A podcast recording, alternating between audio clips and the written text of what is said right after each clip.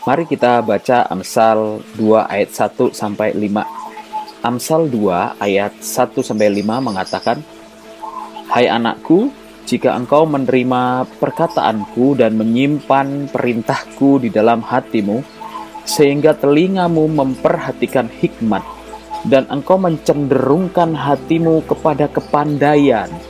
Ya, jikalau engkau berseru kepada pengertian, dan menunjukkan suaramu kepada kepandaian. Jikalau engkau mencarinya seperti mencari perak dan mengejarnya seperti mengejar harta terpendam, maka engkau akan memperoleh pengertian tentang takut akan Tuhan dan mendapat pengenalan akan Allah. Ya, tahukah saudaraku bahwa hal baik itu harus selaras dengan kebenaran firman ya? Saya ulangi, hal baik itu harus selaras dengan kebenaran firman. Kalau tidak selaras ya itu tidak baik atau buruk. Dan hal buruk, jelek, kurang berguna itu semua selalu saja kelihatan lebih baik. Betul tidak? Apakah Anda merasakan hal yang sama? Terus bagaimana cara kita memilih yang benar kalau kita melihat yang buruk selalu menggiurkan? Saudaraku adalah sesuatu yang salah jika kita terus-menerus memutarbalikkan kebenaran. Suatu saat yang salah akan terlihat benar, bahkan bisa menjadi kebenaran menurut versinya. Gila nggak? Hal seperti ini sering kali dipakai Hitler dalam politik propagandanya di Perang Dunia Kedua. Terus apa hasilnya? Kehancuran total, sistem rusak, dan hampir satu ras manusia dipunahkan dari muka bumi. Serem ya. Oleh sebab itu kita sebagai anak-anak Tuhan harus paham benar pilihan kita supaya tidak salah langkah.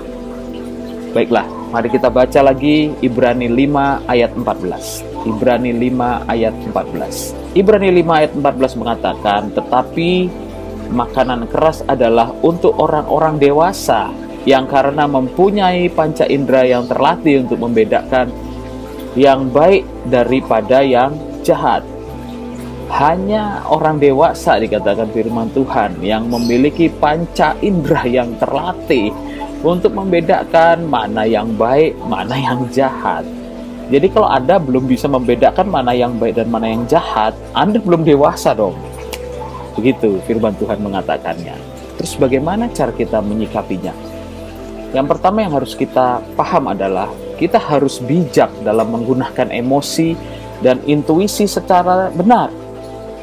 Ya, pengalaman itu memang penting, saudaraku. Namun, kebenaran itu lebih penting. Kadangkala kita sering salah memilih keputusan yang harus kita ambil karena karena yang buruk itu terlihat jelas sangat menggiurkan. Betul tidak, saudaraku? Saya tahu semua orang bisa berbuat salah, namun jangan sampai karena sesuatu yang menguntungkan dalam pemandangan kita, kemudian kita memilihnya begitu saja. Padahal kita tahu kalau itu salah, berarti sengaja berbuat salah dong. Apa pun alasannya, sesuatu yang tidak benar, bahkan melenceng 0, sekian mili saja dari kebenaran adalah tetap salah. Jadi patronnya adalah kebenaran ya, ingat patron kita adalah kebenaran sebagai anak Tuhan yang namanya anak Tuhan itu nggak kenal yang namanya abu-abu saudaraku. Yang kita kenal adalah hitam atau putih. Dan kita jelas memilih yang putih. Kemudian belajarlah untuk disiplin merenungkan firman dan berdiam diri di hadapan Tuhan secara teratur. Tahukah Anda, meditasi dan penyembahan kepada Tuhan itu melatih emosi dan kepekaan. Semakin connect dengan Allah, semakin peka kita emosi terkendali dan terjaga. Kalau emosi kita terjaga, kita akan lebih peka mendengar suara Tuhan, mengedepankan kebenaran tentunya yang selaras dengan firman Tuhan. Dan itu yang membuat kita tidak salah dalam mengambil keputusan. Kemudian konsistenlah untuk melakukan kebenaran dalam setiap tekanan. Itu semua membuat kita lebih tangguh dalam kehidupan yang selaras dengan kebenaran firman. Saudaraku, Tahukah Anda permata dan arang memiliki bahan pembentuk yang sama? yaitu karbon. Apa yang membuat kedua bahan ini menjadi sesuatu yang berbeda? Ya, betul, tekanan. Arang itu dihasilkan dari hasil pembakaran.